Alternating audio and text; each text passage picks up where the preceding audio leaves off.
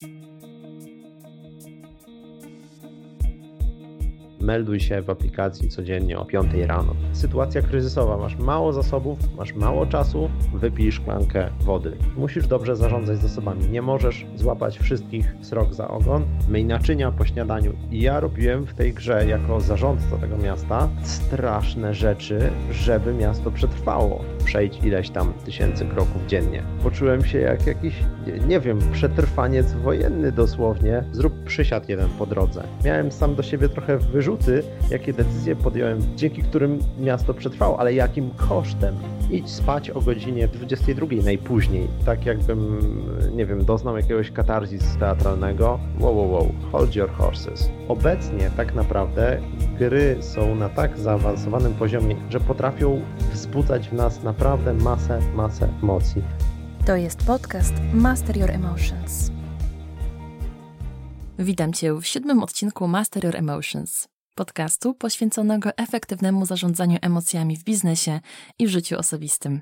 Ja nazywam się Magda i mam przyjemność rozmawiać o inteligencji emocjonalnej z zaproszonymi gośćmi, ekspertami, specjalistami i praktykami, którzy dzielą się z nami rzeczową i sprawdzoną wiedzą, jak skutecznie pracować nad emocjami, aby zbudować silną markę osobistą.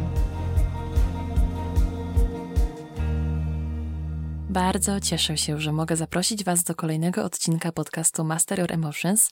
Tak sobie dzisiaj pomyślałam, że z każdym kolejnym gościem epizody stają się coraz dłuższe.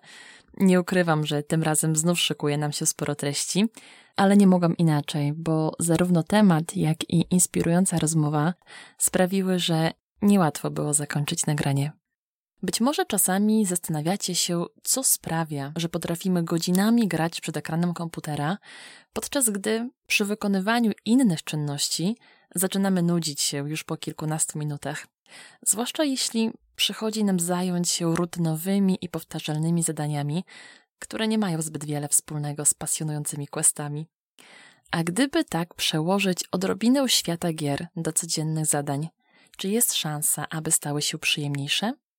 Czy gry mogą zainspirować nas do pracy nad sobą i nad swoimi emocjami? Na te pytania znajdziecie odpowiedzi w dzisiejszym odcinku. Już za chwilę będziecie mogli wysłuchać rozmowy z Grzegorzem Olifierowiczem, specjalistą od grywalizacji, czyli wykorzystywania elementów gier w biznesie i w życiu osobistym. Grzegorz jest również autorem książki 100 sposobów gamifikacji Twojego biznesu. Członkiem zarządu fundacji Team Teatricon blogerem i trenerem umiejętności miękkich. Dowiecie się innymi, w jaki sposób gry pomagają nam rozwijać inteligencję emocjonalną i wybrane kompetencje, jak wyrwać się z depresji dzięki technikom grywalizacji, jak zamienić nudne i rutynowe czynności w ekscytującą przygodę, czym jest porażka kontrolowana i które aplikacje pomogą nam zgrywalizować nasze życie osobiste. Zapraszam do wysłuchania rozmowy i podzielenia się swoimi przemyśleniami w sekcji komentarzy. Grzesiek, bardzo serdecznie Cię witam w podcaście Master Your Emotions. Ogromnie cieszę się, że możemy Cię ugościć w dzisiejszym odcinku i że będziemy mogli porozmawiać o dość innowacyjnym podejściu do strefy naszych emocji. Podejściu, które w namacalny sposób wzbogaciło Twoje życie, gdy tak patrzę na drogę, którą przeszedłeś, to naprawdę jest czego pozazdrościć. Wydałeś książkę, wypuściłeś swój autorski kurs, prowadzisz szkolenia, działalność konsultacyjną dla przedsiębiorców i przede wszystkim zajmujesz się zawodowo czymś, co byłoby marzeniem niejednego pasjonata gier. Zajmujesz się grywalizacją, czyli przekładaniem świata gier na świat biznesowy. Odnajdujesz dla tych dwóch światów wspólny mianownik. Odnajdujesz analogie, współzależności, schematy rozwiązań. Przyznajmy to otwarcie. Świat gier bardzo długo był traktowany po macoszemu, bardziej jako forma rozrywki, aniżeli jako forma, która może wspierać rozwój biznesu lub życia osobistego. Ty pokazujesz zupełnie inne oblicze gier, jako formę inspiracji do tego, by działać bardziej efektywnie, myśleć nieszablonowo i osiągać lepsze rezultaty. Dlatego wprost nie mogę się doczekać, aż opowiesz nam o tej fantastycznej przygodzie, którą odbyłeś, odkrywając nowy wymiar tego, co tak naprawdę dają nam gry, czego możemy się z nich nauczyć i co wprowadzić w nasze życie, aby nabrało smaku. Bardzo się cieszę, że mogę być gościem podcastu. E, postaram się podzielić wszystkimi przemyśleniami, które, które mam i doświadczeniami, które zebrałem, bo rzeczywiście ja jestem jedną z takich osób, które najchętniej testują na sobie, trochę jak ten stereotypowy stary naukowiec, nie? który coś sobie w domu próbuje e, robić, no i najpierw musi przetestować na sobie i sam wypić ten, tę miksturę, żeby zobaczyć, jak podziała. No i ja na sobie też testuję różne, różne rzeczy. Jeżeli coś mi się spodoba tak naprawdę mocno, no to potem przekładam to faktycznie na świat biznesu, czy do, do, do moich klientów B2B, e, czyli firmowych, mhm. czy e, do, do klientów e, indywidualnych. Super, to zacznijmy od początku, czyli dla tych ze słuchaczy, którzy z grywalizacją być może mają po raz pierwszy do czynienia, przybliżmy nieco jej definicję. Pojęcie grywalizacji, zwanej również gamifikacją lub gryfikacją, to wykorzystywanie schematów i mechanizmów znanych z gier poza kontekstem gier w celu zwiększenia zaangażowania osób wykonujących określone zadania. Technika bazuje na przyjemności, jaka płynie z pokonywania kolejnych osiągalnych wyzwań rywalizacji współpracy, Grywalizacja pozwala zaangażować ludzi do zajęć, które są zgodne z oczekiwaniami autora projektu, nawet jeśli są one uważane za nudne lub rutynowe. To jest oficjalna definicja. Jak w takim razie grywalizacja sprawdza się w codziennym życiu? W jaki sposób gry stymulują nasze emocje? Tak naprawdę ta oficjalna definicja jest całkiem trafna, wydaje mi się, bo rzeczywiście Chodzi o to, żeby rzeczy, czynności, które wykonujemy na co dzień, które są takie, no być może trudne, być może nudne, nużące, e, żeby dodać im trochę pikanterii i żeby sprawić, aby sprawiały nam przyjemność, dawały nam przyjemność. No i o to tak naprawdę chodzi w, w grywalizacji, żeby rozpoznać jakąś czynność, którą chcemy zgrywalizować i dorzucić do niej elementy gier, które sprawiają, że nam się bardziej chce. E, ludzie patrzą na to, dlaczego gry działają, dlaczego my potrafimy godzinami siedzieć przed e, grami różnego rodzaju, bo to nie tylko są gry wideo, które teraz są e, bardzo na topie, ale to są też różnego rodzaju gry planszowe chociażby, klasyczne RPG, gry sportowe również, bo przecież my uwielbiamy nie dość, że uprawiać sport, to jeszcze oglądać sport z jakiegoś powodu. No właśnie, z jakiego powodu my uwielbiamy to tak. oglądać?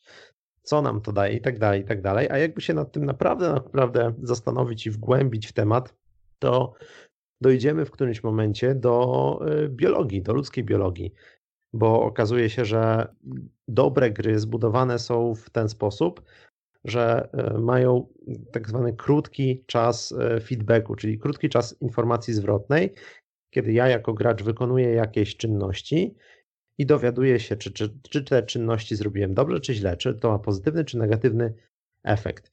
Im krótszy ten czas, tym lepiej. To działa na nasze mózgi w taki sposób, że jeżeli ja osiągnę to małe zwycięstwo, czyli zrobię coś bardzo dobrze, to nie musi być coś wielkiego, ale zrobię coś dobrze, szybko się o tym dowiem, nie muszę czekać na efekt, to mój mózg wydziela, czy, czy mój organizm wydziela dopaminę, hormon szczęścia, trochę uzależniający hormon szczęścia i ekscytacji, który napędza mnie do dalszego działania. Jednocześnie, jeżeli coś mi się nie uda w grze, jeżeli nie wiem, popełnię jakiś błąd, stracę życie w, grając w, w grę jakąś, czy e, nie przejdę jakiegoś poziomu, dowiaduję się o tym natychmiast, a ten mechanizm pozwala obejść trochę e, demotywację naszego mózgu, a wręcz zamienić się na motywację do tego, żeby zrobić coś lepiej. Bo ja nie muszę się zastanawiać nad tym, ok, co zrobiłem źle, muszę sobie przypomnieć i przeanalizować. Nie, to się wydarzyło przed chwilą, więc ja wiem, gdzie popełniłem błąd i mogę to naprawić. I to jest trochę takie y, obejście okablowania naszego mózgu po to, żeby czerpać przyjemność, prawdziwą przyjemność z tego, co się robi. No i w grywalizacji zastanawiamy się, ok, jakie to są rzeczy, jakie są czynności, jakie są elementy gier, które możemy wyciągnąć i włożyć do naszego życia.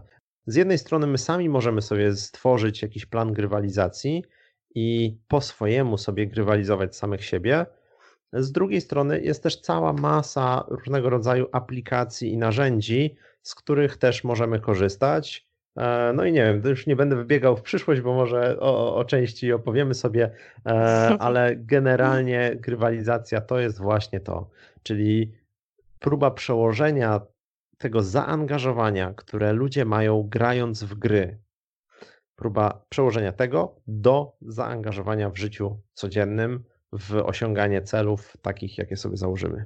Tak słuchając Twojej definicji grywalizacji, pomyślałam sobie, że chyba nikomu z nas, kto kiedykolwiek grał w jakieś gry komputerowe, nie było obce odgrażanie się rodziców.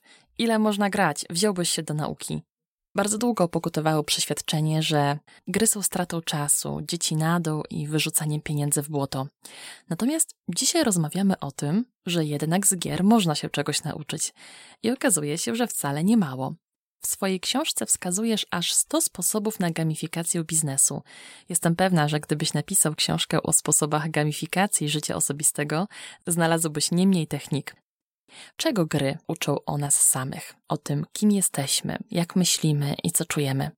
Mm, okej, okay. jakbym chciał tutaj zabrzmieć mądrze, no to bym powiedział, że trzeba się zastanowić nad warstwą ludologiczną i narratologiczną tego, jak wyglądają gry i tak dalej, i tak dalej, ale robiąc te skomplikowane rzeczy e, prostymi, można by e, spojrzeć w ogóle na historię gier, szczególnie tych gier wideo, no bo e, jest trochę tak, nawet to pokutuje po dziś dzień. Sam widziałem wielokrotnie, e, nawet niedawno sytuację, gdy rodzice przychodzą z małymi dziećmi, takimi nie wiem, 8-10 lat do, do, do sklepu z multimediami, jest półka z grami, no i co, i kupujemy te gry, i w ogóle na przykład nie ma świadomości w rodzicach, jakiego rodzaju gry się kupuje, co to są za gry, no bo to jest zupełnie jakbyśmy dali, nie wiem, jakąś książeczkę dla dzieci, tak, i dziecko niech sobie spędza czas.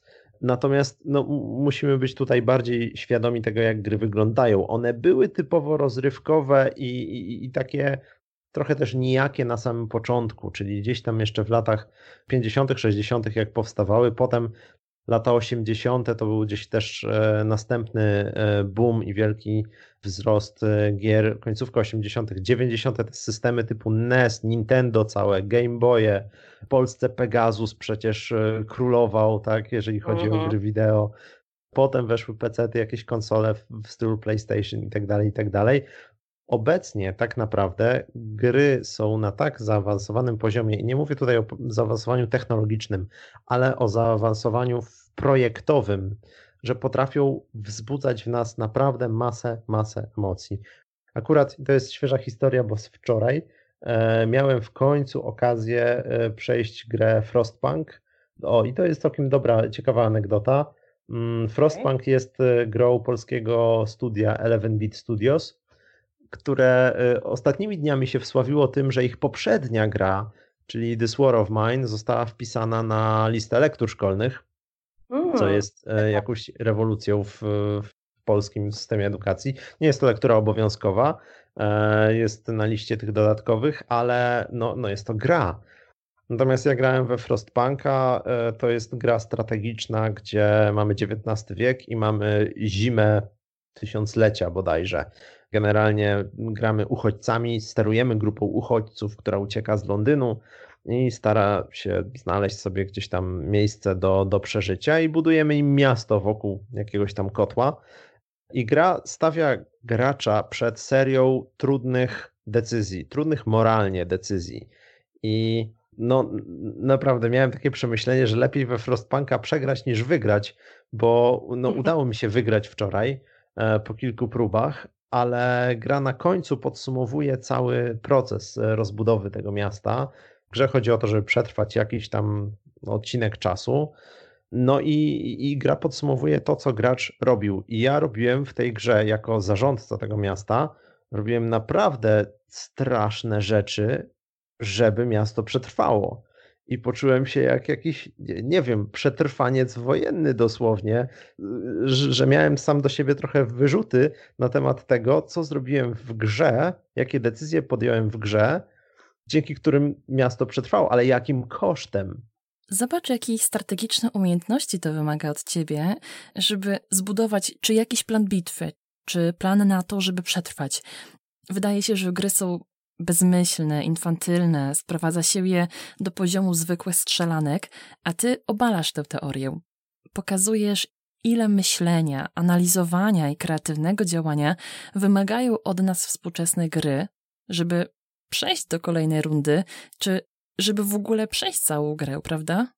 Tak, y, Frostpunk na pewno pomaga w rozwoju takim humanistycznym, że zadaje pytania na tematy gdzieś tam etyczne, ale pomaga też w zarządzaniu, bo rzeczywiście to jest gra, której założeniem jest sytuacja kryzysowa. Masz mało zasobów, masz mało czasu. Im dalej w grę, tym się robi trudniej i tak masakrycznie trudno, naprawdę. Więc musisz dobrze zarządzać zasobami. Nie możesz złapać wszystkich srok za ogon, musisz wybrać jakąś tam swoją strategię, co może się przełożyć na, na obecną gdzieś tam sytuację, czy gospodarczą, czy biznesową, czy nawet osobistą, gdzie czasami może dopaść nas jakiś kryzys e, w życiu, no i co wtedy? No trzeba się skupić na jakichś priorytetach, tak? To, to są takie wartości powiedzmy e, humanistyczne, bardziej filozoficzne, ale jest cała gama gier, które uczą mm, raz, że wiedzy, konkretnej wiedzy, która może się do czegoś przydać. I tutaj kojarzą mi się gry, które bazują na historii, na przykład seria Europa Universalis, seria e, strategii Total War, czy nawet przygodówki z serii Assassin's Creed. Przecież one też są bazowane bardzo mocno na wydarzeniach historycznych prawdziwych. I jeżeli się wczytam jako gracz w dodatkowe glosariusze, samouczki, jeżeli będę poznawał E, całą topologię miasta, które się przedstawia w grze, no to naprawdę mogę się wkręcić, chociażby i w pierwszego Assassin's Creed'a, który był wzorowany na bodajże pierwszej, czy oparty na pierwszej krucjacie do Jerozolimy i no poruszamy się tam po trzech miastach, między innymi po Jerozolimie z czasów średniowiecza i ona naprawdę jest odwzorowana na podstawie tego, jak myślimy, że wyglądała wtedy Jerozolima, więc można przenieść się praktycznie w czasie w wirtualny sposób do realiów e, średniowiecznych chociażby i naprawdę sporo, sporo się nauczyć. Ale to nie tylko, mm, gry to nie tylko nauki właśnie humanistyczne, chociaż do tych jest mi bliżej, ale też e, nauki ścisłe. Najlepszym tutaj przykładem, e, trochę hardkorowym, ale no naprawdę szacun, jest gra Folded. Folded to jest gra w manipulację białek i w manipulację splątań genetycznych. Chodzi o to, że gracze wspólnie, to jest gra multiplayerowa, starają się osiągnąć jakiś tam jakiś cel. Gra wyznacza, że to białko musi spełniać takie, takie wymagania i tak dalej. No i to trochę wygląda jak puzzle. Dlaczego Folded jest e, grą wartą wspomnienia? Nie tylko dlatego, że ona pokazuje, jak wygląda taka manipulacja białkowa, jak e, w ogóle wygląda łańcuch genetyczny, e, łańcuch DNA i tak dalej, ale też sławiła się tym, że rozwiązała, a raczej gracze w Folit rozwiązali problem związany z wirusem, który jest, że teraz żebym się nie pomylił, z wirusem, który jest podobny do wirusa HIV, i który jest wśród jakiegoś tam gatunku małp. I problem z tym wirusem był taki, że trudno było wyekstrahować jakąś część białkową, żeby go przebadać. Przez 15 lat naukowcy e, nie mogli tego zrobić.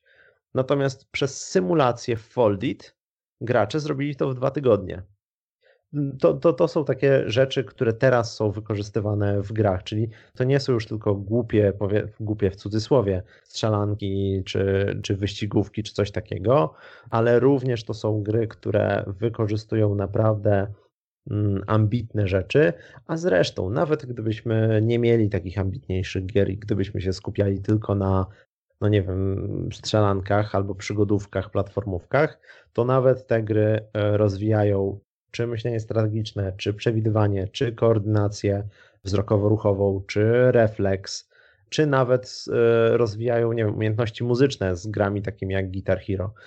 Można by długo, długo na ten temat e, mówić i jestem pewien, że weźmy sobie jakąkolwiek umiejętność, naprawdę jakąkolwiek, na pewno jest gra, która pomaga tę umiejętność rozwijać.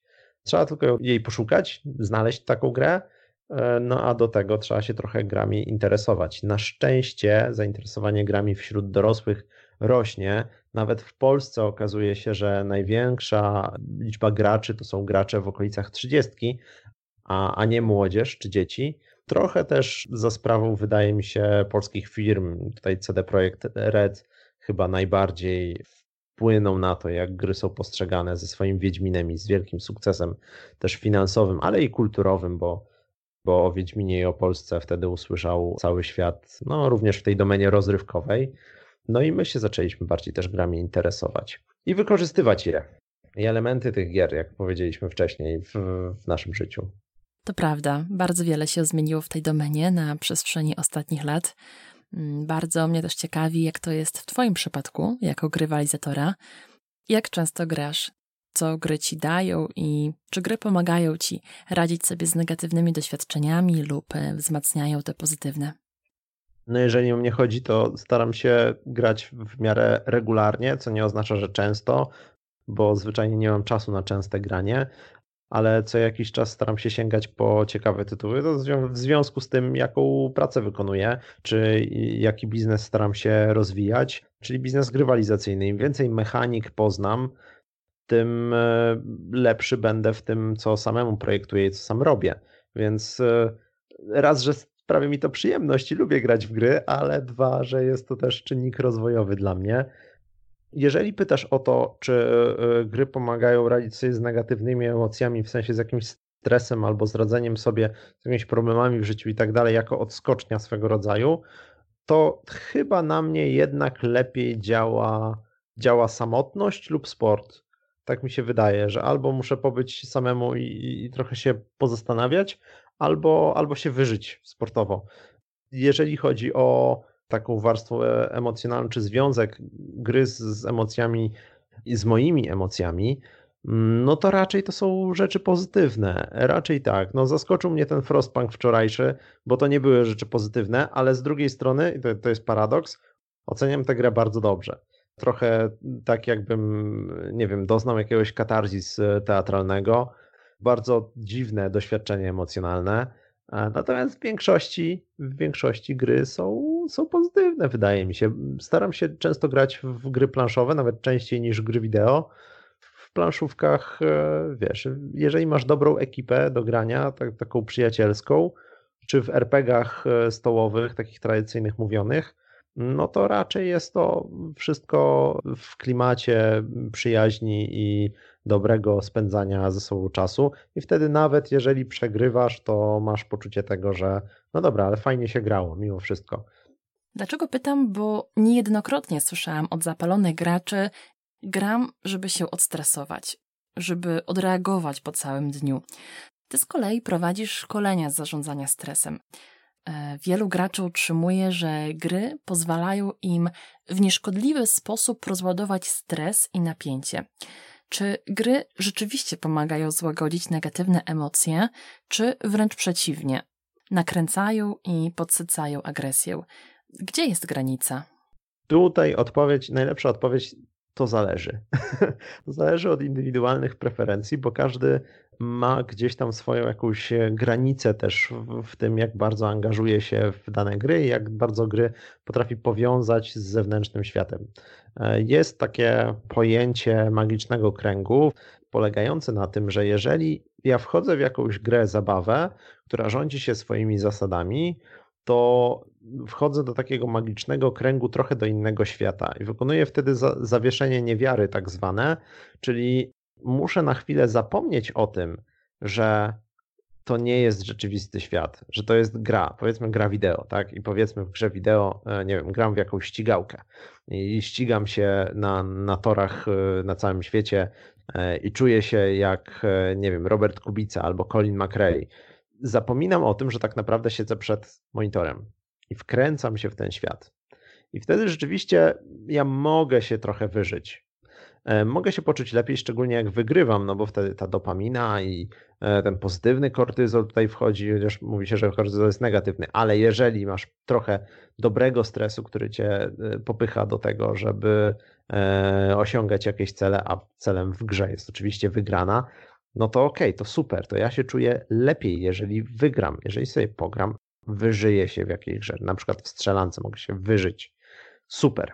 E, natomiast to już nie jest takie wyżywanie się, jakie mogłoby się nam kojarzyć jeszcze parę lat temu, e, takie tak zwane bezmyślne.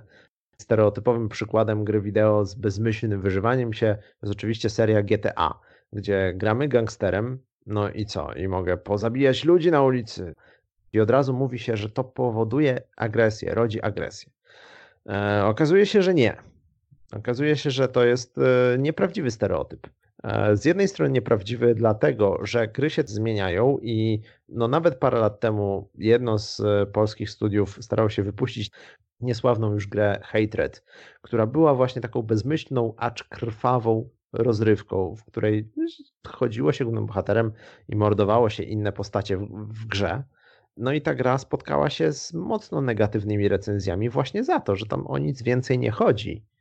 No a my jednak potrzebujemy czegoś bogatszego w tym momencie. E, więc to nie jest tak, że gry bazują tylko na brutalności, tylko na agresji, nawet jeżeli same sobie są agresywne, wykorzystują elementy agresji. E, po drugie, elementy agresji w grze nie powodują agresji w rzeczywistości. Wiąże się to też z, z tym e, magicznym kręgiem i z zawieszeniem niewiary. Gdy ja wychodzę z magicznego kręgu, to no, no właśnie, gra się kończy. Emocje mogą ze mną zostać, dobre poczucie satysfakcji może ze mną zostać, ale już zasady gry się zmieniły, bo ja już nie jestem w grze wideo, jestem w prawdziwym życiu. Więc okej, okay, skąd się w takim razie biorą te wszystkie newsy w wiadomościach i historie, że jakiś nastolatek pomylił rzeczywistość z grą i no ostatnio jakiś taki news czytałem, wrzucił babcię przez okno, bo myślał, że babcia się zrespawnuje, czyli odrodzi w jakimś tam miejscu, nie? Czy to nie jest dowód na to, że gry właśnie powodują zatracenie poczucia rzeczywistości i wzmożoną agresję? No nie, bo historie takie anegdotyczne, dowody anegdotyczne to są pojedyncze przypadki i w tym momencie sensowniejszym argumentem, sensowniejszym wnioskiem, który ja bym wyciągał, jest to, że być może coś nie tak było z tymi graczami, a nie, że coś jest nie tak z grami. Bo z drugiej strony mamy setki tysięcy, jeżeli nie miliony graczy, którzy grają w to samo i żadna taka historia się nie wydarza. Więc raczej, jeżeli słyszymy opowieści o tym, że ktoś tam zachował się agresywnie, grając w jakąś grę, to raczej jest problem tego konkretnego gracza niż gier jako takich. Ja jak grałem w Assassin's Creed'a, to potem miałem taki efekt, że patrząc na różne budynki, szczególnie stare kamienice, zastanawiałem się, jak można wejść po tej kamienicy zupełnie jak bohater, czy bohaterowie z serii Assassin's Creed, którzy wchodzą po budynkach, uprawiają ten parkour. Zastanawiałem się mimowolnie, od czego można się odbić, jakiej krawędzi złapać i tak dalej, i tak dalej.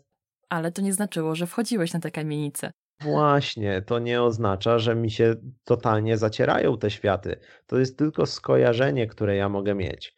A od skojarzenia do działania faktycznego jest jeszcze naprawdę długa, długa droga. I jeżeli ktoś nie ma jakiegoś rodzaju zaburzeń psychicznych z tym związanych, no to nie ma problemu, żeby naprawdę odróżnić te dwa światy.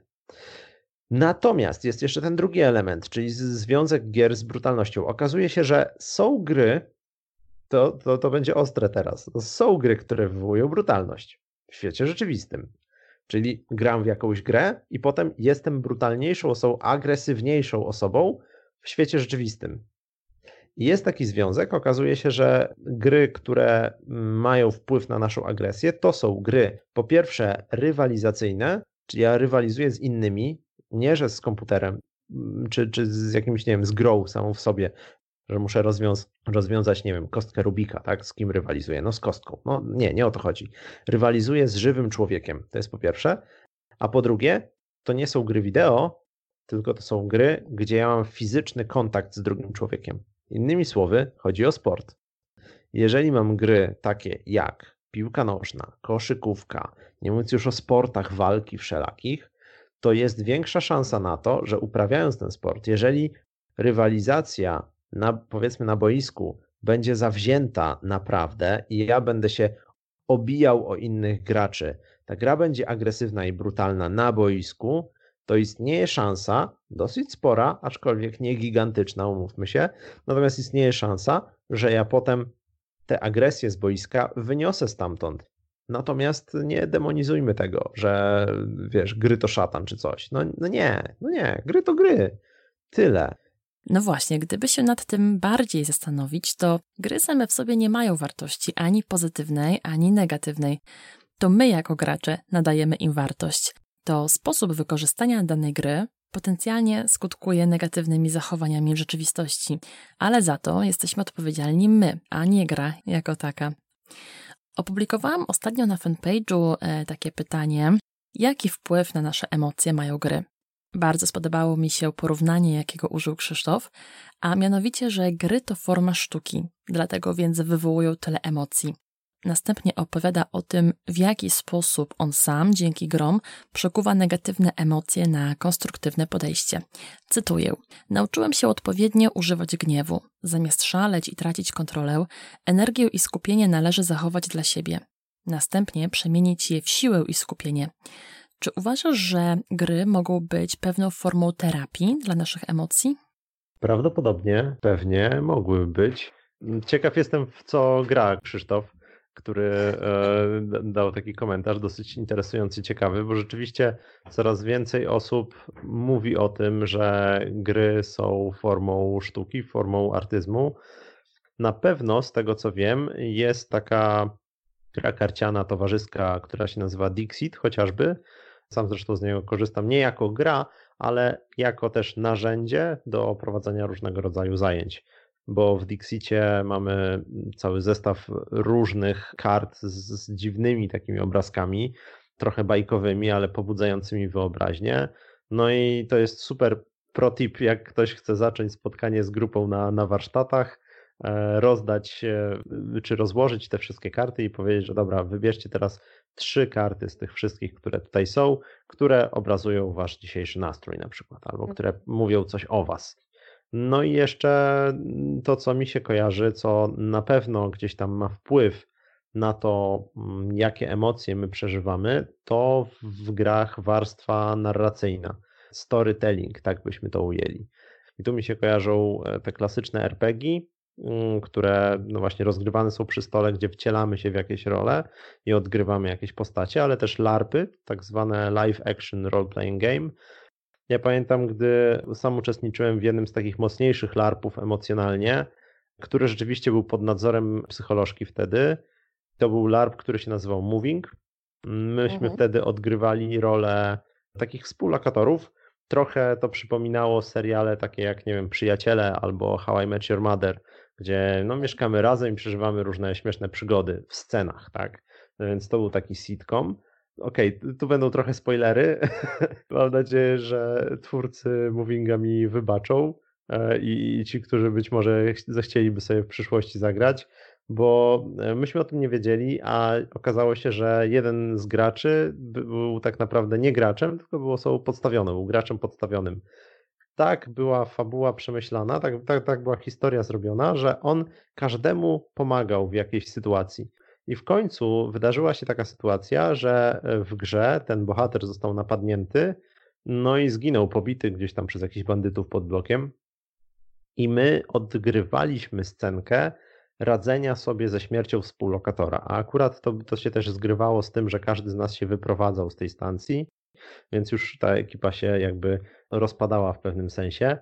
E, no i to było naprawdę, naprawdę mocne przeżycie.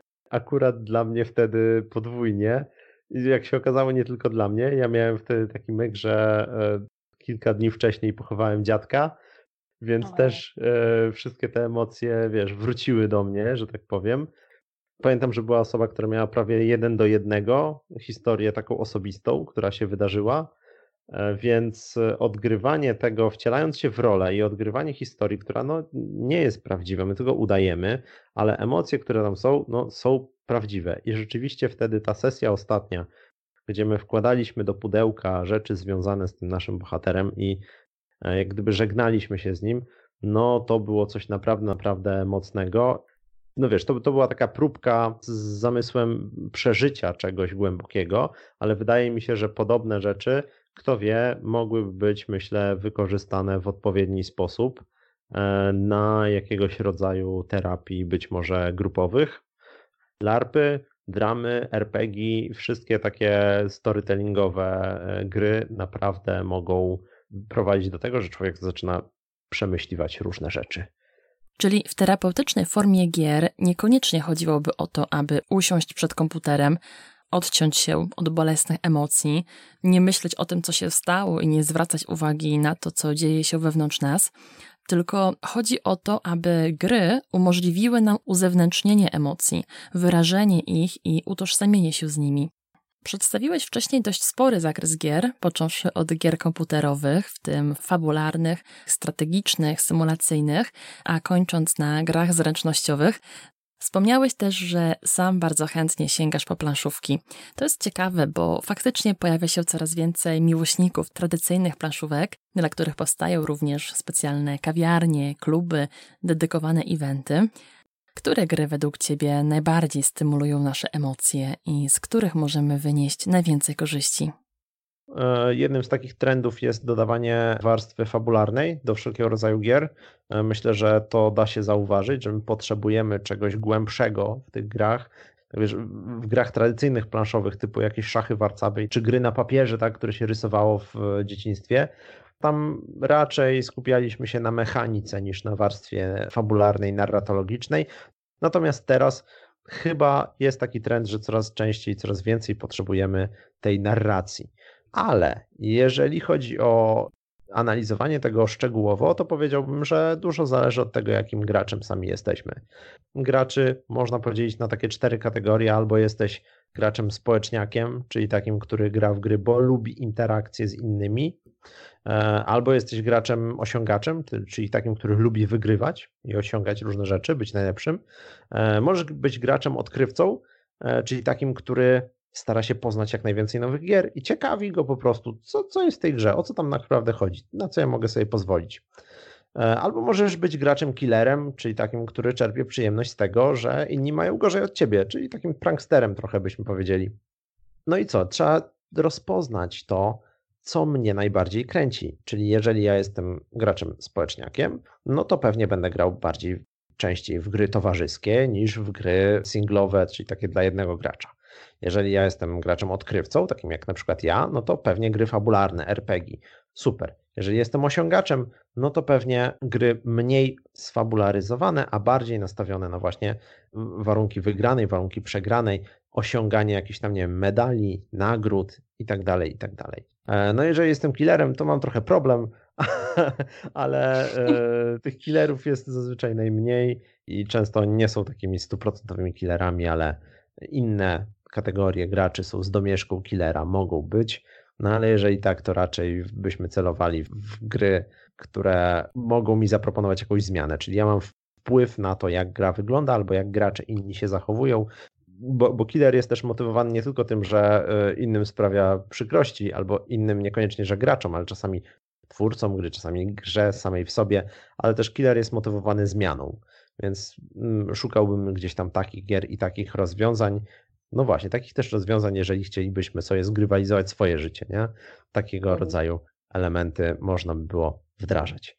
Przedstawiłeś dość jasną i precyzyjną typologię graczy, a skoro już rozmawiamy o graczach, to myślę, że większości osób, które z grami mają niewiele wspólnego, typowy gracz kojarzy się czasami z takim alienem zamkniętym w czterech ścianach, który jest pozbawiony kontaktu ze światem zewnętrznym. Wiemy jednak, że coraz więcej gier umożliwia angażowanie się w interakcje z innymi użytkownikami. W jakich warunkach Twoim zdaniem gry bardziej sprzyjają rozwojowi emocjonalnemu?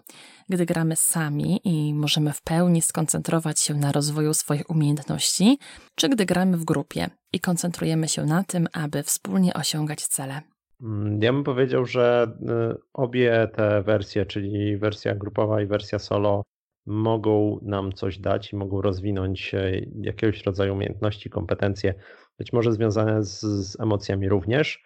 E, natomiast e, praktyka pokazuje i moje doświadczenia i obserwacje pokazują, że jeśli chodzi o grywalizację i wdrażanie mm, grywalizacji w różnego rodzaju projekty, to w większości przypadków e, są to działania grupowe jakiegoś rodzaju, aczkolwiek są też rozwiązania, które są skierowane dla pojedynczego gracza.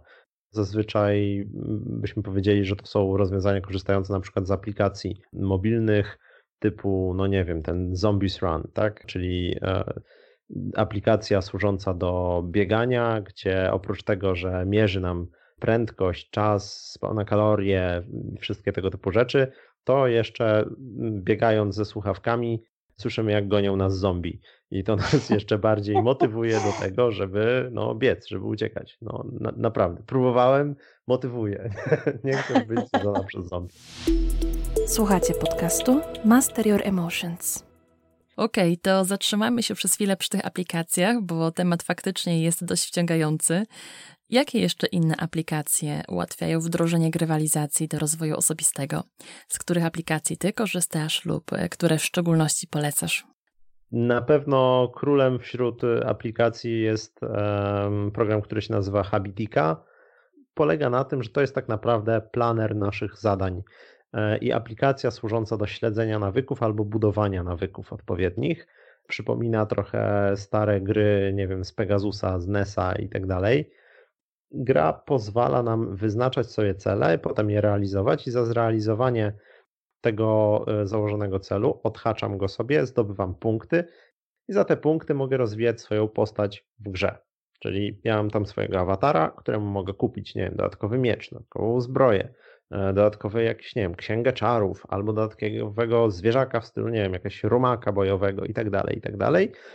A potem mogę wykonywać misje specjalne, a misja specjalna to jest taki ogólny cel stworzony przez e, społeczność lub stworzony przez twórców aplikacji, ogólny cel rozwojowy związany na przykład ze zdrowym stylem życia, typu przejdź ileś tam tysięcy kroków dziennie, albo e, z, związany z, ze wczesnym wstawaniem chociażby, tak? Czyli melduj się w aplikacji codziennie o tam 5 rano czy 6 rano przez ileś tam dni i tak dalej, i tak dalej. To jest bardzo fajna apka Fajne jest jeszcze, tylko być może nie do każdego. Jeżeli ktoś ma trochę czarne poczucie humoru, to, to tak, bo jest taka apka, która się nazywa Productivity Challenge. To jest po prostu taki timer, który mierzy, ile czasu już pracujesz. E, więc możemy tam sobie ustawić odpowiednie interwały. On domyślnie opiera się na takim założeniu Pomodoro, czyli 20 minut pracy, około 10 minut odpoczynku, potem znowu 20 minut pracy, 10 minut odpoczynku i tak dalej, i tak dalej. I ten challenge, rywalizacja polega na tym, że im dłużej pracujesz, tym więcej medali czy tam osiągnięć zdobywasz. I te osiągnięcia są napisane w taki no, humorystyczny sposób, nawiązujący do kultu pracy z krajów socjalistycznych, z krajów sowieckich, na zasadzie, że super, przepracowałeś dzisiaj, nie wiem, 7 czy tam 8 godzin, jeszcze 10 tysięcy i dorobisz się do emerytury, nie? Albo pracuj, okay. pracuj dalej, bądź przodownikiem, nie? Tego typu sprawy. No to, to, jeżeli ktoś lubi taki humor, to e, zawsze jest tak, że ja tak miałem przynajmniej, że jak zdobywałem te odznaki kolejne, no to e, jednak zapalał się ten uśmiech na mojej twarzy. Jest jeszcze świetna apka, która się nazywa Fabulous Fabulous służy do zmiany nawyków. E, niekoniecznie do budowania nowych, chociaż też, ale również do zmiany nawyków i jest w tym świetna. Naprawdę e, ona korzysta z takiego systemu zwiększania trudności z poziomu na poziom. Więc e, jeżeli weźmiemy sobie tam, tam są cztery główne cele, czyli mogę albo rozwijać swoje zdrowie, albo rozwijać swoją produktywność, albo zarządzać chyba swoim stresem. No i ten czwarty, który. Aha, chyba być bardziej społecznym, chyba tak. I on zaczyna od takich prostych rzeczy związanych z dbaniem o nasze zdrowie w stylu rano wypij szklankę wody. Nic cię to nie kosztuje, to jest strasznie proste, każdy to może zrobić, więc jest mega niski próg wejścia. Jeżeli ja już to wejdę, to rzeczywiście po paru dniach apka mi mówi, dobra, a teraz zanim napijesz się tej szklanki wody, to jeszcze, nie wiem, odstaw ją gdzieś tam dalej, albo zrób przysiad jeden po drodze, nie, gdy będziesz wstawać, albo idź spać o godzinie tam, nie wiem, takiej i takiej najpóźniej i apka ci w ogóle, klikasz sobie w apce, o której idziesz spać i ona ci mierzy jakość twojego snu. Nie? Kładziesz to sobie koło łóżka i ona ci tam e, sprawdza, e, kiedy był sen głęboki, kiedy był sen płytki i tak dalej, i tak dalej, pozwala ci to poprawić. I naprawdę Fabulous potrafi zbudować te nawyki. Ona prowadzi nas przez ileś tam dni i potem nas zostawia z tym, bo przeszliśmy już całą ścieżkę, ścieżkę pod tytułem Jak mieć więcej energii w ciągu dnia. Przeżyliśmy jedną przygodę, ale ten nawyk już został wykształcony. Trudniej jest odpuścić sobie Gra się kończy, ale ja dalej chcę, wiesz, pić tą szklankę wody z rana, albo chcę kłaść się o tej 22 najpóźniej, nie? I spać w odpowiedni hmm. sposób. To są takie aplikacje, z których e, ja korzystałem i które polecam. Z takich e, ciekawszych, związanych na przykład z emocjami, to jest w ogóle taka projektantka, którą można gdzieś sobie sprawdzić, e, Jane McGonigal. I ona od już wielu, wielu lat robi naprawdę ambitne projekty growe. Jednym z takich projektów była aplikacja Super Better, która pomaga w radzeniu sobie z przypadkami depresji. To nie jest tak, że jak ktoś cierpi na depresję, to zainstaluje sobie Super Better i, i wyjdzie z tego. Natomiast jest to rzecz pomagająca i e, suplementarna e, do, do tego, żeby radzić sobie z negatywnymi emocjami w życiu i żeby w końcu w pewien sposób zacząć siebie też doceniać. Ja z Super Better korzystałem na zasadzie sprawdzenia, jak ta apka wygląda. Natomiast e, no, wygląda na tyle fajnie, że rzeczywiście można tam nabrać poczucia własnej sprawczości, E, szacunku wobec samego siebie i docenienia tego, kim się naprawdę jest. Przemyślana apka, dostała też kilka nagród, zdaje się, e, więc super better, polecam. Wiesz co, to proponuję w takim razie, abyśmy zrobili sobie teraz małe ćwiczenie grywalizacyjne. Spróbujmy zgrywalizować, dajmy na to codzienne obowiązki pani domu. Czy myślisz, że da się przekuć rutynowe czynności takie jak sprzątanie domu, robienie zakupów, czy opieka nad dzieckiem w ekscytujące questy? Myślę, że da się to zrobić, a jeszcze bardziej e, da się to zrobić w przypadku, e, gdy mamy panią domu i mamy kilkuletnie bądź nastoletnie dzieci, które chcemy, żeby też w tym domu pomagały. I to wiem, bo miałem jedną e, klientkę, która właśnie starała się przekonać swoich synów. Mm, oni tam mieli, nie wiem, po kilka lat dosłownie, ale starała się ich nauczyć sprzątania, więc sprzątaj swoje załawki, ściel swoje łóżko po wstaniu, myj naczynia po śniadaniu i tak dalej, i tak dalej. E, no i wiadomo, nie są to przyjemne rzeczy dla dzieciaków. Jest y, milion, gazylion rzeczy ciekawszych od tego.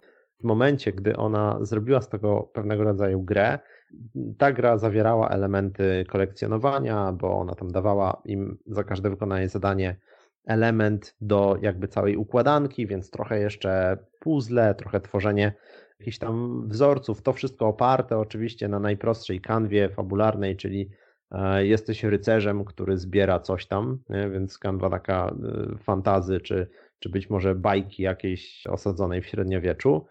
Ale chłopakom to się podobało i oni naprawdę, naprawdę z tego korzystali. Wiem, że była wtedy ambicja do tego, żeby zrobić z tego produkt komercyjny. Ja powiedziałem, dobra, śmiało, proszę przekazać ten pomysł jakimś swoim znajomym, rodzicom z, z dziećmi w podobnym wieku. Niech sprawdzą, czy u nich to działa. Natomiast y, wiem, że akurat u tej, y, u tej pani, która ze mną to konsultowała, y, i to były właśnie ciekawe konsultacje, bo to był przypadek osobisty. Aha. To nie było biznesowe, tylko sprawa, że tak powiem, rodzinna. Wydawałoby się trywialna, ale te trywialne rzeczy wcale nie są nieważne, wręcz w drugą stronę są istotne i jeżeli coś może nam pomóc w tym, żeby czy my, czy nasze dzieciaki, czy nie wiem, nasi bliscy po prostu e, będziemy mieli frajdę z rzeczy, które normalnie nam nie dawały frajdy, a wręcz przeciwnie, wnerwiały w nas w jakimś tam sensie, no to czemu nie? To, to, to moim zdaniem trzeba to przekuwać w coś fajnego, e, jeżeli się tylko da. No pewnie to spróbujmy teraz zgrywalizować na przykład życie osób, które dość rzadko praktykują aktywność fizyczną. Wspomniałeś wcześniej o aplikacji do biegania z goniącymi nas zombie. To jest super, ale tak naprawdę od wstania z kanapy do włożenia butów sportowych jest jeszcze daleka droga. Czy gamifikacja może odpowiedzieć także na potrzeby osób, które nie potrafią same z siebie znaleźć wewnętrznej motywacji do tego, by właśnie pójść pobiegać, czy pojeździć na rowerze, czy pójść na basen, czy chociażby poćwiczyć brzuszki przed telewizorem? Nawet ja mogę odpowiedzieć ze swojej perspektywy. E, dla mnie, jak słyszę, że poćwicz brzuszki albo idź pobiegaj, to wiesz, nie, nie chcę tego robić. Mam sobie ogromny, ogromną przeszkodę i blokadę, bo to się mi kojarzy ze zmęczeniem. Zmęczeniem, które no, co, co jest dosyć oczywiste, nie przyniesie natychmiastowych skutków, bo każde ćwiczenia, one, to, to jest jakby procent składany. Im dłużej ćwiczę, tym lepsze efekty widzę, ale nie ma tych efektów natychmiastowych. Natychmiastowy efekt to jest moje zmęczenie i to wszystko. Więc akurat moje ciało jest tak zbudowane, że broni się przed tym jak tylko może. Natomiast ja mam frajdę z tego, że zagram z kimś w jakąś grę, która jest grą fizyczną, na przykład badmintona, które wydają się dosyć proste i trywialne, bo wszyscy kojarzą to z taką, wiesz, kometką, którą się gra gdzieś tam na działeczce latem. E, no natomiast jest to trochę żywsza gra, gdy się już gra na punkty i ja mam w głowie wtedy punkty, żeby wygrać, a nie mam w głowie tego, że muszę latać po boisku, schylać się po te lotki i wykonywać całą serię różnego rodzaju ćwiczeń, tak naprawdę ćwicząc. Bo pierwsze co, mam natychmiastowy efekt pod tytułem wygrałem lub przegrałem. I, i, I, to jest nadrzędna rzecz, która mi przyświeca wtedy. Więc trochę oszukuję sam siebie, trochę hakuję swój umysł i swoje ciało i robię coś e, innego i coś nowego. Pamiętam, że wszyscy się dziwili, gdy parę lat temu był boom na grę Pokémon Go. I wszyscy mhm. się dziwili, jak to tak. dzieciaki mogą spędzać tyle czasu nad tymi Pokémonami. Ojej, zróbcie coś konstruktywnego ze swoim życiem. No ale sorry, w momencie, gdy ja widziałem i do tej pory zresztą czasami się spotyka nastolatków czy wczesnych nastolatków, którzy latają z tymi telefonami i dosłownie biegają z miejsca na miejsce, bo ktoś im zgarnie tego Snorlaxa, który się gdzieś pojawił w tym momencie, no to czego chcieć więcej? One nagle odeszły od komputera, odeszły od monitora i poszły na miasto. Przeżywają te przygody, którymi się karmiły przed tymi telewizorami, czyli czują się jak ten Ash Ketchum, a przy okazji nawdychają się świeżego powietrza, trochę się poruszają, pobiegają, pojeżdżą być może na rowerze i tak dalej, i tak dalej. No same plusy, a Pokémony są tylko narzędziem do tego. Teraz być może jest to trochę utrudnione z powodu pandemii. No trudniej jest zrobić czy zorganizować jakąś grę miejską, bo, bo trzeba przy tym przestrzegać całego szeregu zasad związanych z bezpieczeństwem, typu nie wiem, maseczki, odległość. Natomiast jeżeli to przejdzie, to mam nadzieję, że już w przyszłe wakacje będziemy mieli cały wysyp różnego rodzaju gier miejskich, które też można wykorzystywać przecież do tego, żeby wzmagać e, aktywność e, fizyczną. A nawet jeżeli ktoś potrzebuje wzmożyć taką aktywność u siebie, samemu sobie mogę zrobić taką grę. Czemu nie? Mogę sobie wyznaczyć jakieś tam cele na mieście i powiedzieć, że dobra, ja będę chodził od miejsca do miejsca i przejdę tego dnia powiedzmy 10-15 kilometrów, to już jest całkiem spory kawałek na taki szybki spacer, to jest dobry trening i będę się, nie wiem, meldował mojej żonie, że jestem już w tym miejscu, jestem w tym miejscu, jestem w tym. A wtedy moja żona może mi wysyłać, nie wiem, co może mi wysyłać, różnego rodzaju nagrody, które mogą mnie motywować do tego, żebym meldował się kolejny raz, kolejny raz. Całusy. No właśnie, o to trochę chodzi, żeby nie koncentrować się na tym, co nas denerwuje, stresuje, nie sprawia przyjemności, ale jakby zrobić nakładkę na te rzeczy, żeby jako pierwsze, jako ten natychmiastowy feedback, natychmiastowa informacja zwrotna, co mi to da, że ja coś zrobię, żeby to nie był ból fizyczny spowodowany ćwiczeniami, tylko żeby to było coś fajnego, co mnie ekscytuje, co mi daje radość, co chcę robić i osiągać więcej i tak dalej, i tak. Okej, okay, to przejdźmy może w takim razie do bardziej ekstremalnego przypadku.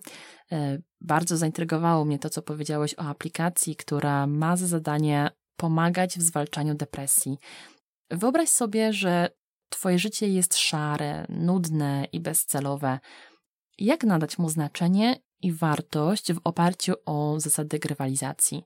Jak wyrwać się z kryzysu emocjonalnego i depresji dzięki technikom grywalizacji? To rzeczywiście jest trudny temat. E, ja wspomniałem o tej Jane McGonigal i o apce Super Better, bo rzeczywiście ona była tworzona e, nie tylko przez samą projektantkę, przez McGonigal, ale też we współpracy z szeregiem e, naukowców i psychologów. No bo rzeczywiście ta depresja taka kliniczna, jeżeli ktoś ma stwierdzoną już i, i, i zażywa różnego rodzaju lekarstwa i leczy się z tego, no to to jest poważna choroba, nie? Nie można tego bagatelizować i ja nie odważę się powiedzieć, że zagraj sobie w jedną gierkę, to na pewno wyjdziesz z depresji. To tak nie działa. Właśnie trzeba być świadomym dwóch rzeczy, powiedziałbym. Po pierwsze, że to musi być rozłożone w czasie jednak. Mając taki warunek, my możemy sobie dalej budować, czy zastanawiać się nad tym, jak zbudować, czy wpasowywać elementy grywalizacji do tego. żeby nam w tym e, pomogły. To jest ten drugi, element, drugi motyw, czyli moim zdaniem trzeba zacząć od małych kroczków.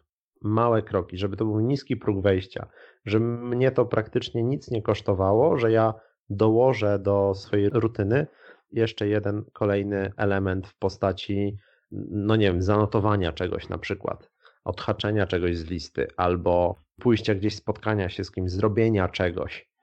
Natomiast raczej przestrzegałbym przed tym, żeby zasypywać ludzi różnego rodzaju motywami, rozwiązaniami i tak dalej, tak zasypywać samego siebie również, bo zazwyczaj to jest entuzjazm krótkotrwały. Jesteśmy mega zmotywowani, bo nie wiem, wpadliśmy na pomysł, że oto zgrywalizuje swoje życie i nagle ono będzie po prostu świetne i cała moja rzeczywistość zmieni się w Karaiby i w raj na jakimś ciepłym oceanie. No, tego typu motywacja nie trwa zazwyczaj długo i lepsze efekty, moim zdaniem, otrzyma się wtedy, gdy trochę sobie powiemy: wow, wow, wow, hold your horses i lepszy jest szereg małych kroczków niż jeden duży krok. Trochę tak jak teraz rozmawiam z e, chłopakami, z którymi też pracujemy nad e, jedną grą towarzyską. Rozmawiamy o tym, że dobra, musimy na swój projekt patrzeć jako na szereg małych kroczków. Czyli co robimy dzisiaj, co robimy dzisiaj, co robimy w tym tygodniu, co robimy w tym tygodniu, w tym tygodniu, w tym tygodniu. Pomimo tego, że perspektywa być może jest na rok, być może jest na dwa, może na więcej lat, w realizacji tego projektu, ale to jest perspektywa daleka. A to, co my mamy dzisiaj, to jest dzień po dniu, dzień po dniu. Bez wątpienia, technika małych kroków to coś, co jest nam znane od lat, a jednak wciąż porzucamy ją, chcąc natychmiastowych rozwiązań. Zwróć też uwagę, że większość z nas, doświadczając trudnych chwil w życiu, instynktownie szuka ucieczki. Część osób taką ucieczkę znajduje w grach, dążąc do tego, żeby odciąć się od przeżywanych emocji. A gdyby tak poszukać w tym wszystkim drugiego dna, to czy w grach możemy znaleźć rozwiązania naszych problemów? Częściej działałbym na pewnego rodzaju zasadach czy motywach powtarzających się tu i ówdzie.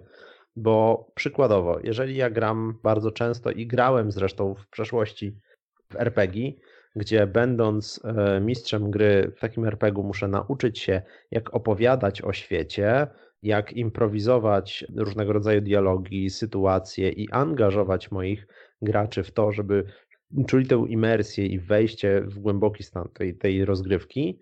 Więc ja rozwijam swoje umiejętności storytellingowe w ten sposób, w ogóle o tym nie myśląc mogę skorzystać z podobnych, że tak powiem, sztuczek i z podobnych motywów, których się nauczyłem podczas prowadzenia gier, skorzystać z tego w przypadku, nie wiem, prezentacji, które będę wykonywał przed słuchaczami na warsztatach, czy oferty handlowej, którą wyślę inwestorowi czy klientowi, więc mogę rozwinąć w grach różnego rodzaju umiejętności i kompetencje, które potem mogą mi się przydać, ale tak bardziej w życiu i bardziej jeśli chodzi o umiejętności miękkie, to raczej szukanie patternów i szukanie wzorców, które się powtarzają w grach i potem zauważamy je, te same wzorce zauważamy w realnym życiu i mówimy sobie, o, grze zrobiłem tak i tak i byłem zadowolony z tego wyboru, z tej decyzji, no to być może zrobię to samo w, życiu i mi się uda y, do podobnych efektów dojść i będę tak samo zadowolony z tego, co mi się udało zrobić w realu. Super. Rzeczywiście myślę, że szukanie wzorców jest sensowniejsze niż próba przekładania wszystkiego jeden do jednego. Mamy taką tendencję, że staramy się kopiować pewne rozwiązania, które działają u innych i dziwimy się, dlaczego nie działają u nas. Ty w swojej działalności nie kopiowałeś rozwiązań, ale stworzyłeś swoje własne w oparciu o wzorce zawarte w tych, które są już dostępne. Napisałeś bardzo wartościową książkę, w której zawarłeś aż 100 sposobów gamifikacji biznesu. Napisałeś ją, bo brakowało ci konkretnego i rzetelnego spisu wszystkich dostępnych metod zastosowania grywalizacji w biznesie. Gdybyś miał wybrać trzy sposoby, które miały największy wpływ na Twoje życie, to które wybrałbyś? Okej, okay. E, uwielbiam takie techniki growe jak kolekcjonowanie, Myślę, że to jest w ogóle super sprawa i no jestem typem zbieracza. Trochę się bronię przed wpadaniem w zbieractwo, ale i tak kolekcjonuję różnego rodzaju rzeczy.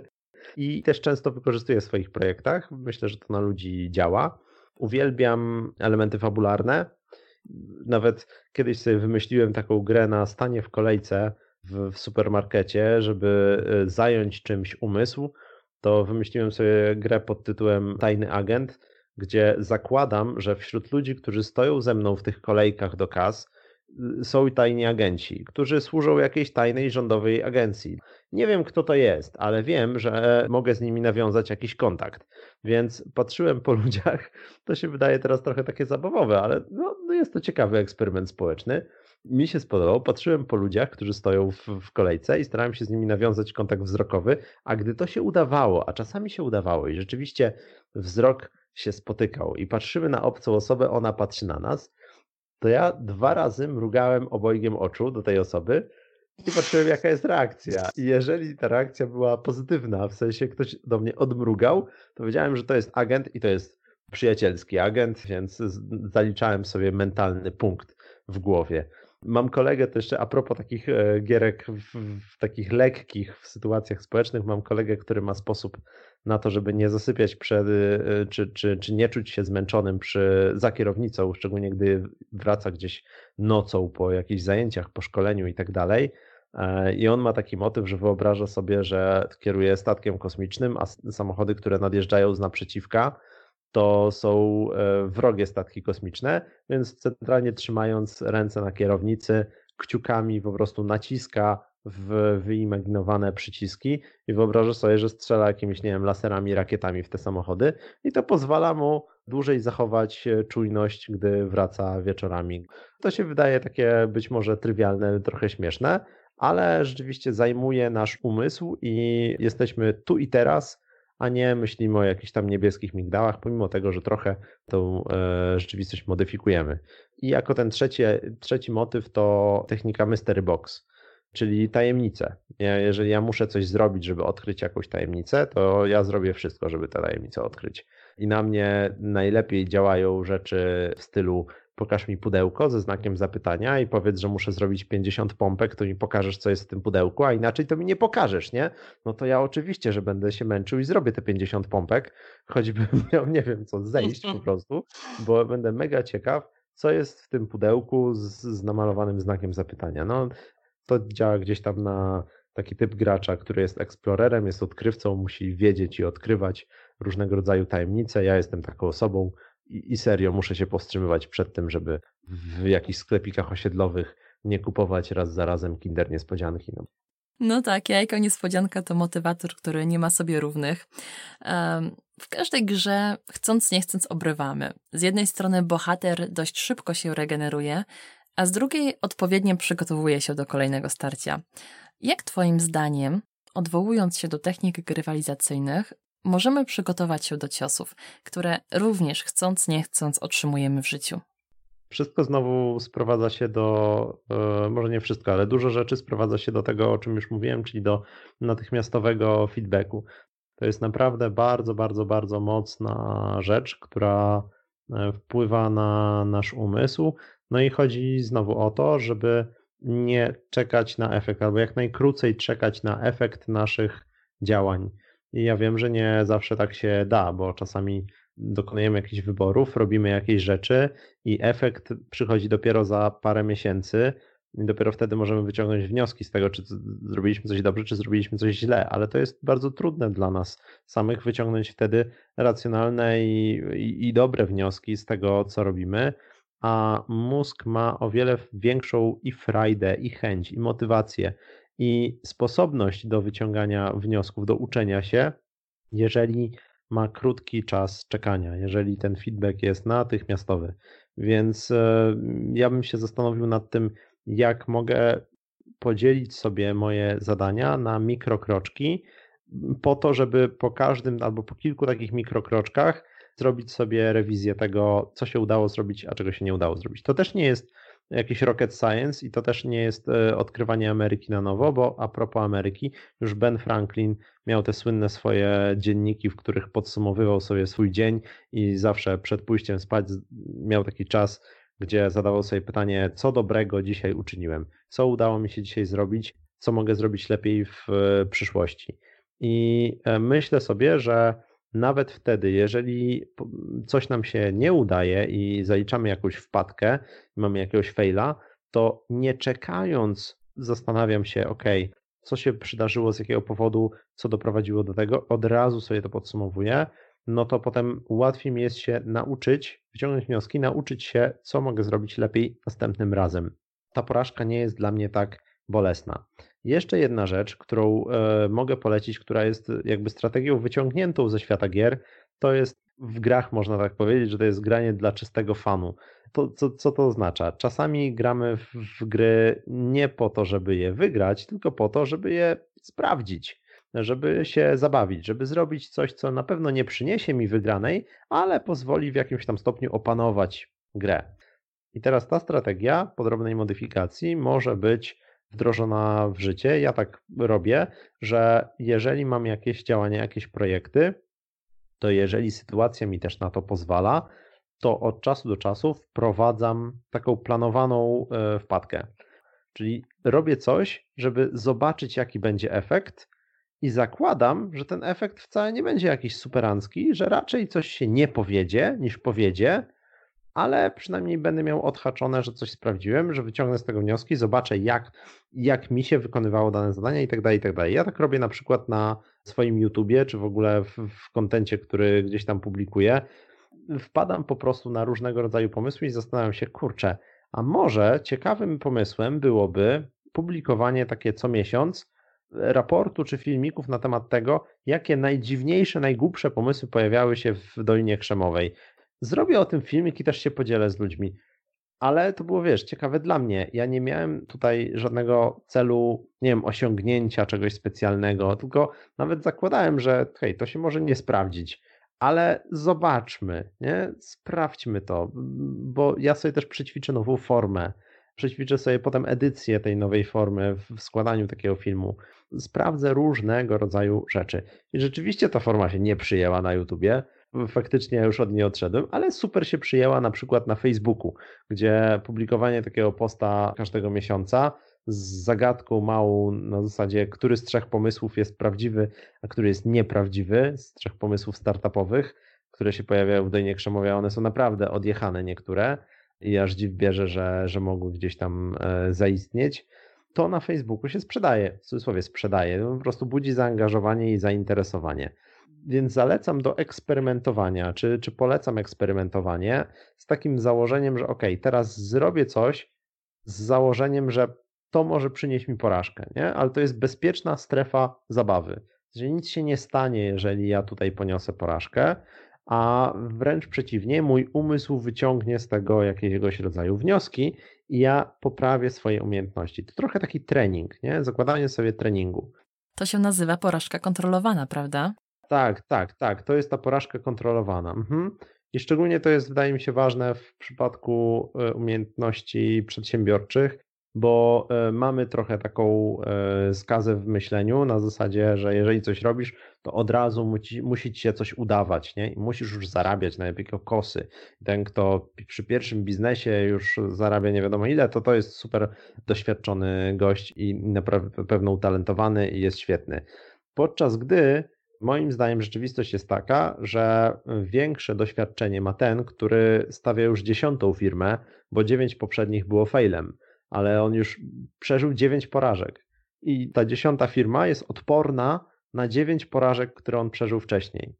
Podczas gdy ktoś, kto stawia swoją pierwszą firmę, która przynosi sukcesy, prawdopodobnie ma jakiegoś rodzaju szczęście i jeszcze go porażka nie dotknęła to jest silne, silnie zakorzenione na przykład, na przykład w tej Dolinie Krzemowej, gdzie startupowcy szukając inwestorów, większe szanse na znalezienie inwestora mają ci, którzy stawiają już kolejną firmę, bo poprzednie ileś tam nie wypaliło. Ale ja mam za sobą cały bagaż doświadczenia i już jestem odporny na te wszystkie rzeczy, które nie wypaliły w przeszłości. A jeżeli jestem początkujący, e, zaczyna mi wychodzić, no to jakby co z tego? Jeżeli nie będziesz nie wiem, jakimś unicornem startupowym, że e, odznaczać się będziesz od wszystkich, wszystkich innych, to możesz być dobry, ale co z tego, jeżeli brak ci doświadczenia, nie?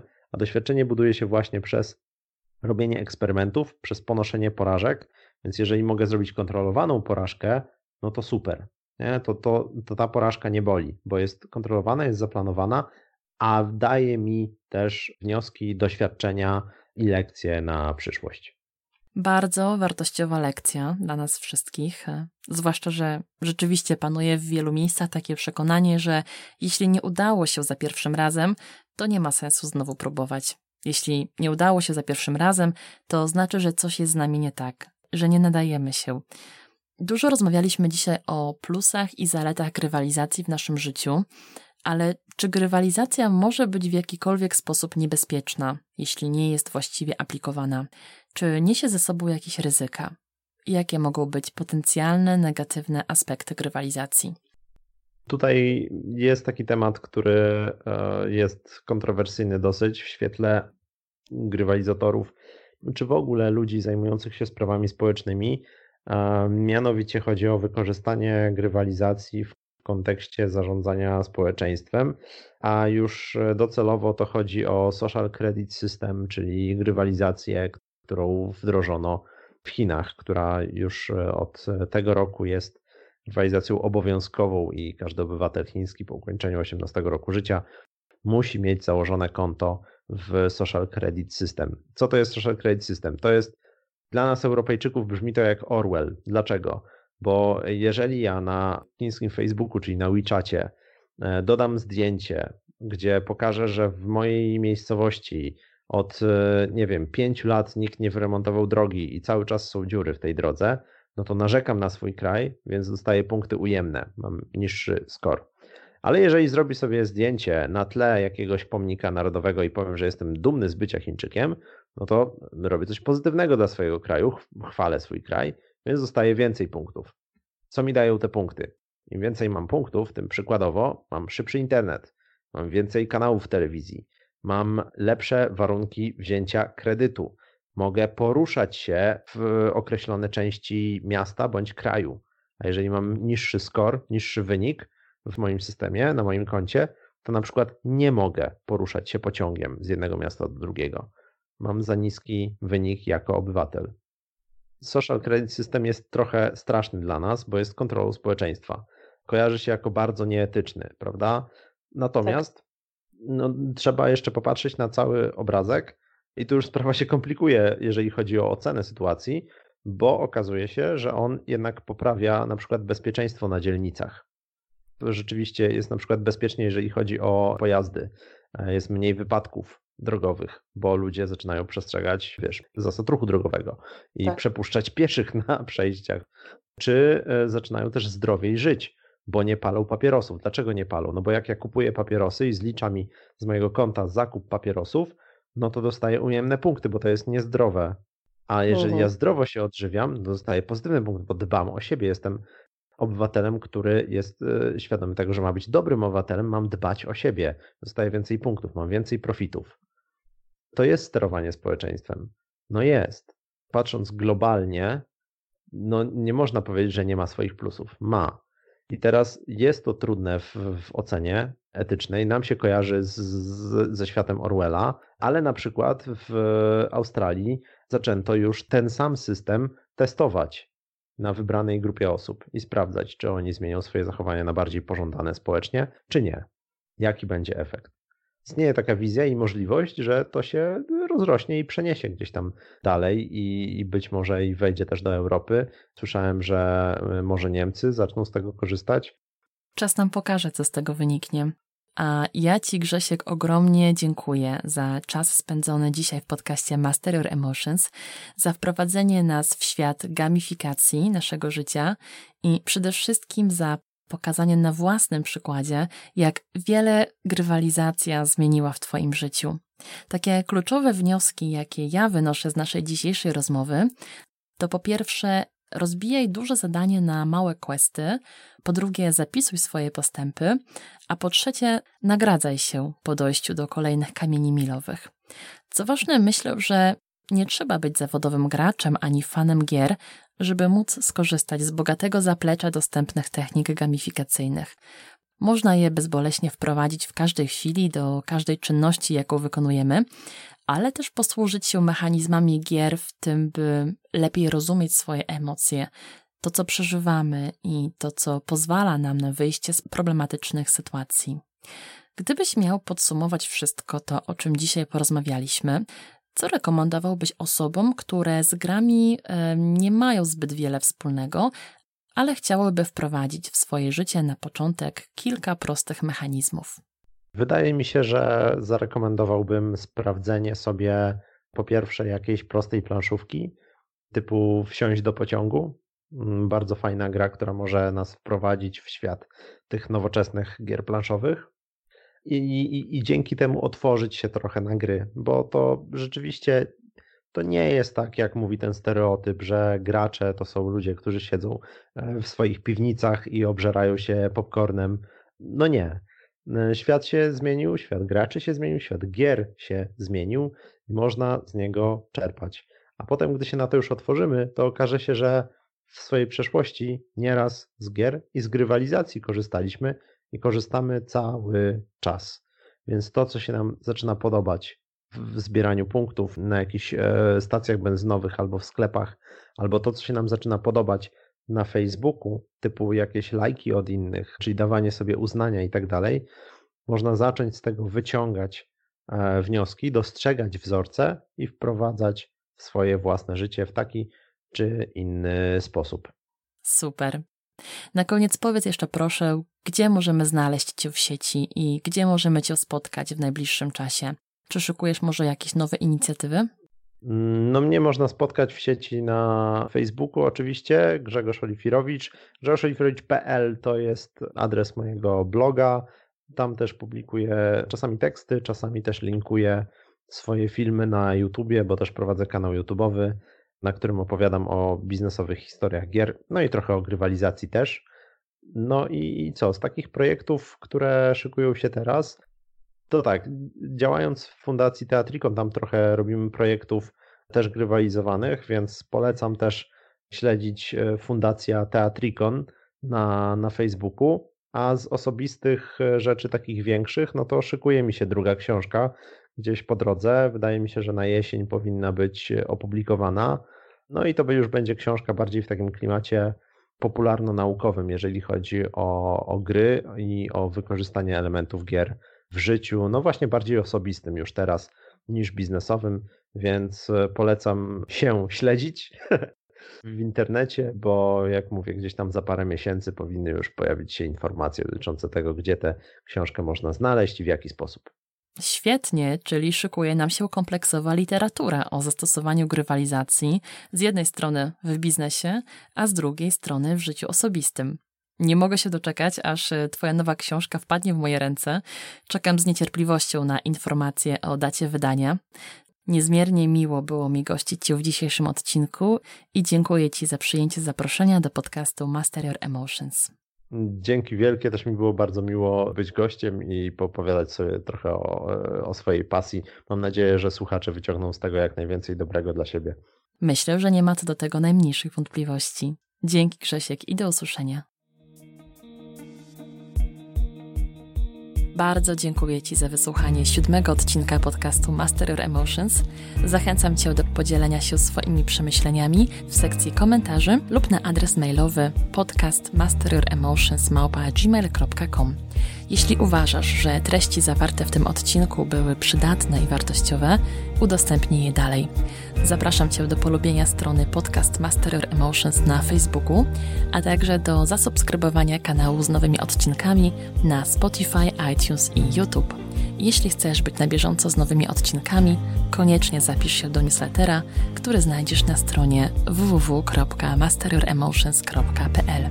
Dziękuję jeszcze raz za wspólnie spędzony czas i do usłyszenia niebawem.